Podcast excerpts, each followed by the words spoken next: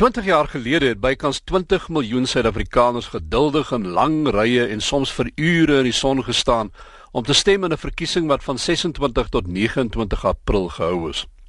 Die stempersentasie 86% en daar was minder as 1% bedorwe stembriewe. Die man wat in 1994 as voorsitter van die OVK moes sorg dat die verkiesing op glad geoliede wiele loop, was regter Johan Kriegler.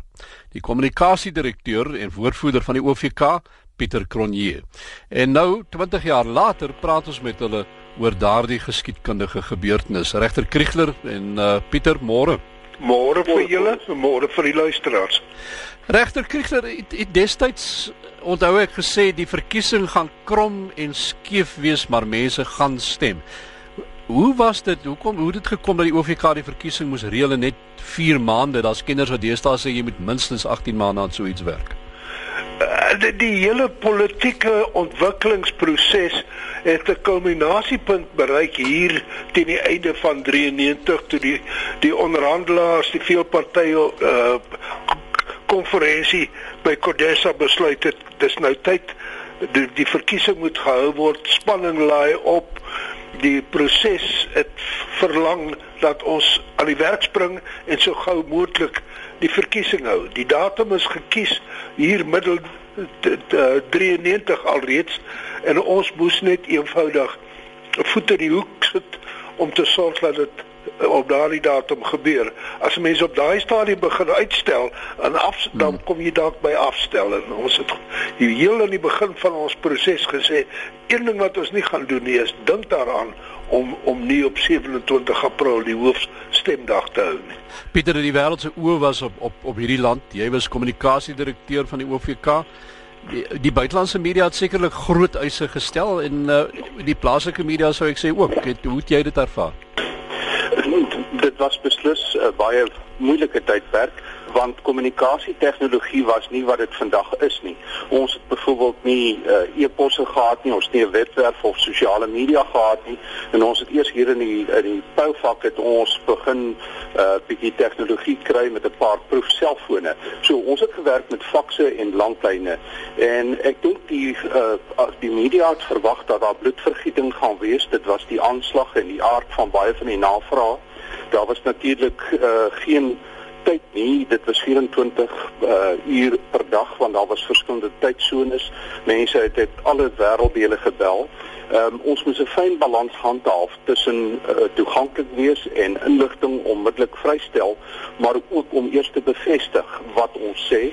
En uh, ons het gelukkig 'n oop media protokol gehad waar ons by magte was om die navrae so gou as moontlik te hanteer en ek moet sê dat regter Kriegler en die kommissarisse het geglo aan die noodsaak en waarde van goeie kommunikasie en was altyd bereid om saam te werk en te help met daardie vloei. Regter Kriegler, daar was onaangename verrassings en krisisse daarom ook in daardie tyd. Eh, ek weet jy verwys na eh, in, in 'n stadium na donker ure. Vertel ons 'n bietjie meer daarvan. Ag, Kobus, ek Ek wil nie stil staan by donker ure nie, eerder by die ligpunte.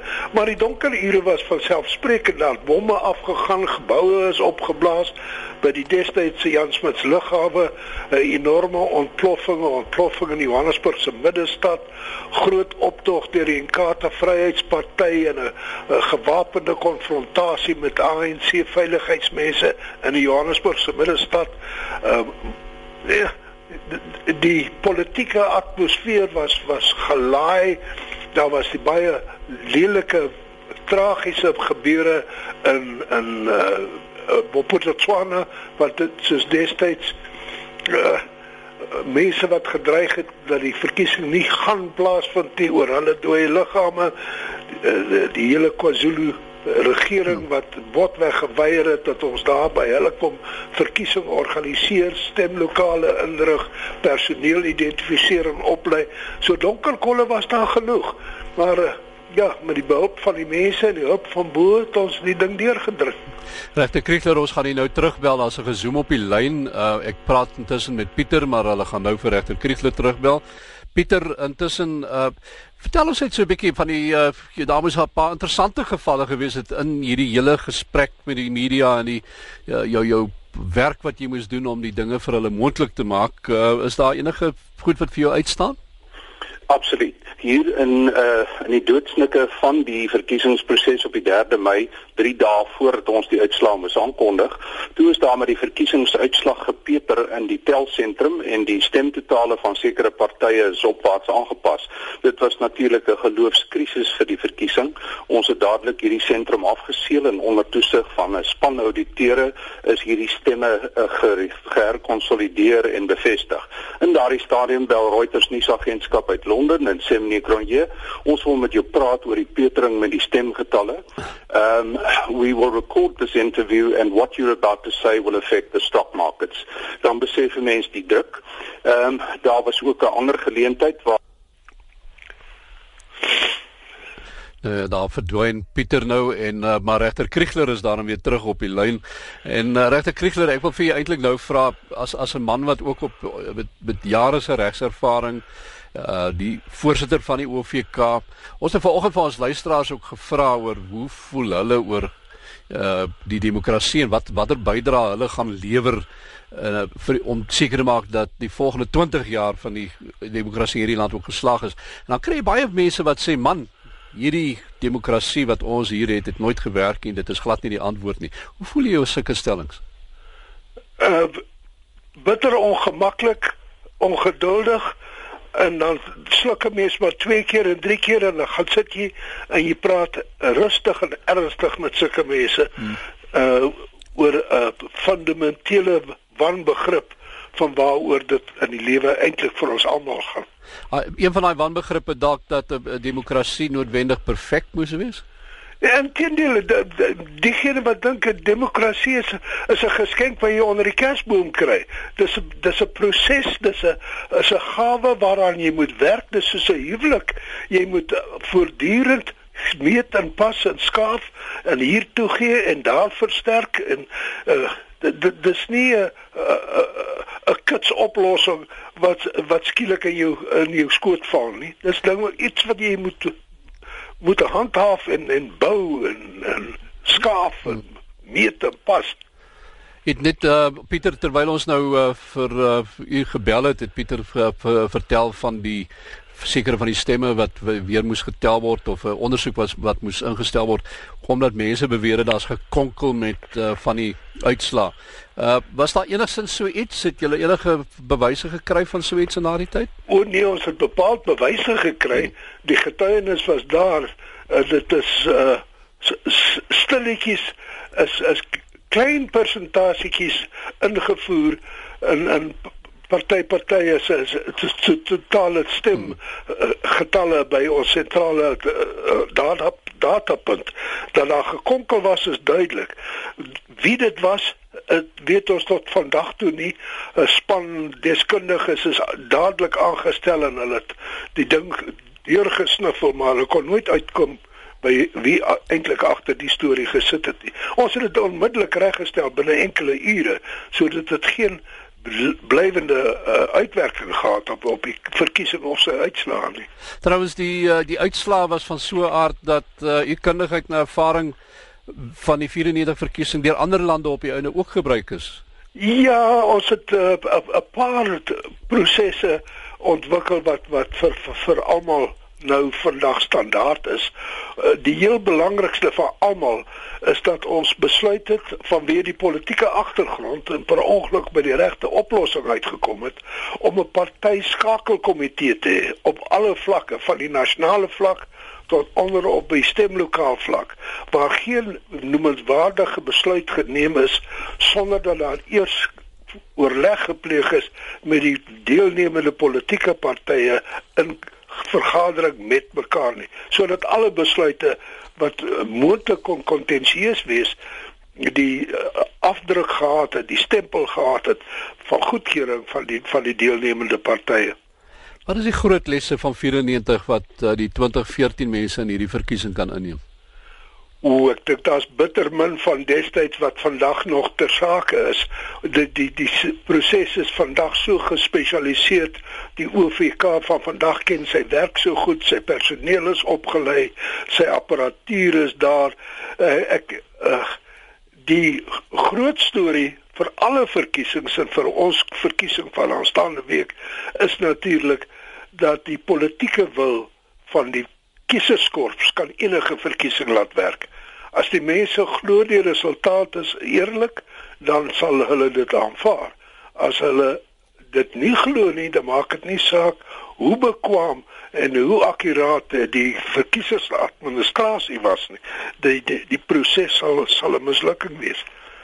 Waar staan die land nou as jy nou terugkyk uh, na 1994 uh, en en vandag nou na hierdie land moet kyk waar ons nou staan. Waar staan ons? Het ons gevorder? Ons het in baie opsigte gevorder ongetwyfeld. Uh die die blote feit dat ons vandag kan stry oor of mense mekaar belaster in hulle verkiesingsstories uh terwyl ons mekaar destyds doodgeskiet het, uh, is al klare uh, aanduiding van hoe ver ons gekom het dat daar dinge is wat haper, dat daar dinge is wat skeef geloop het, uh ongetwyfeld. Maar dis maar hoe dit gaan in 'n in 'n demokrasie en is die kieserskorps se taak nou om te besluit wie hulle aan die bewind wil hê. Pieter ook ligter oomblikke uh, daar was daar nie net ernstige sake in daai 94 verkiesings nie, ja, was ook uh, redelike humoristiese goed. Uh, ja, in in donker ure en onder byna bo menslike spanning en as net aan dit adrenalien jou aan die gang hou, moet jy soms op humor terugval. Een van my spanlede was in die media sentrum letterlik in 'n staat van beleg met joernaliste wat vrae wou weet oor die stemtellery.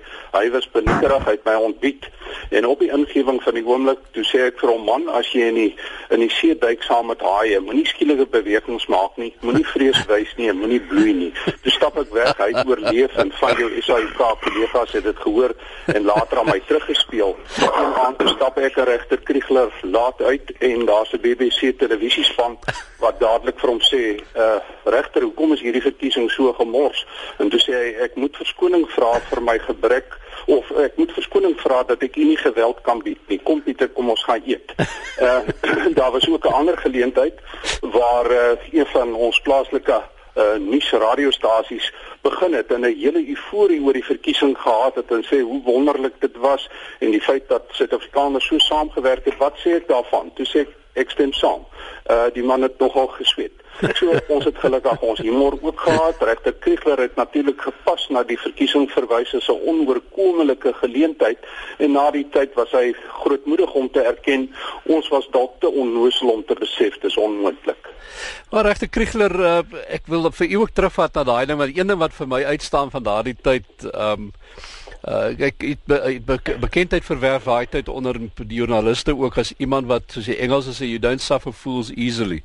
Ehm um, dit was 'n miskien 'n tydperk waar ons juis iemand nodig gehad het in die hoof van die OVK wat die ding so ferm vasgevat het. Ek uh, weet ek het al dikwels gevra en ek het myself ook gevra hoekom op aarde die die politici van destyds vir my gevra om die om die voorsitterskap te neem. En uh, ek het nie die antwoord daarop nie, maar dit het goed gewerk. Dit het met samewerking van almal het ons as span aan die gelop alles reg gekry. Uh miskien is dit 'n persoonlikheidsdefek dat ek oorhaastig is en as ek dan haastige werk doen, dan dan dan sien die mense nie die foute raak nie. Uh ja, ernstig gesproke. Jy weet daar was 'n stadium waar ons feitelik die enigste gesagsfiguur in die land was. Was die OVK, die oorgangsraad die politieke partye was in die, in die eh, wetywering met mekaar betrokke en ons was die die skeieregter op die veld en daardie beeld van die betroubare uh, eer, eerlike beoordelaar moes ons handhaaf en uh, dit het ons media mense vir ons baie goed gedoen en ons het in ek as die die die die beeld van die OVK het 'n uh, 'n mate van 'n reputasie opgebou as as betroubare geloofwaardige mense. Ja, ek wil vir jou nou 'n laaste vraag vra of 'n versoek aan u rig. Ehm um, met al hierdie ervaring en alles wat u nou gesien het in die loopbaan en ook in hierdie werk by die OVK en wat daarna gekom het. Wat sou u vir Suid-Afrikaners vandag sê? Mense wat miskien 'n bietjie teneergedruk is oor hoe sekere goed verloop, ongelukkig is met die regering, wat ook al. Ehm um, maar die Die demokrasie is nog hier. Ons gaan stembus toe een van die dae, wat is jou raad aan Suid-Afrikaners in hierdie op uh, opsig? Die raad aan Suid-Afrikaners in hierdie opsig het my ou prof jare gelede op universiteit vir my geleer. Die prys van vryheid is ewige waaksaamheid. Die prys van goeie demokrasie is hou jou hand aan die ploeg. Sorg dat jy gaan stem, sorg dat jy almal be, beïnvloed om te gaan stem en wees aktief in die openbare lewe. Dit is hoe jy jou eie demokratiese regte beveilig. Dit was regter Johan Kriegler wat met ons gepraat het. Ons het ook met uh, Pieter Cronje gepraat. Regter Kriegler was die voorsitter van die OVK tydens die 94 verkiesing. Pieter Cronje was die direkteur van kommunikasie en woordvoerder van die OVK destyds.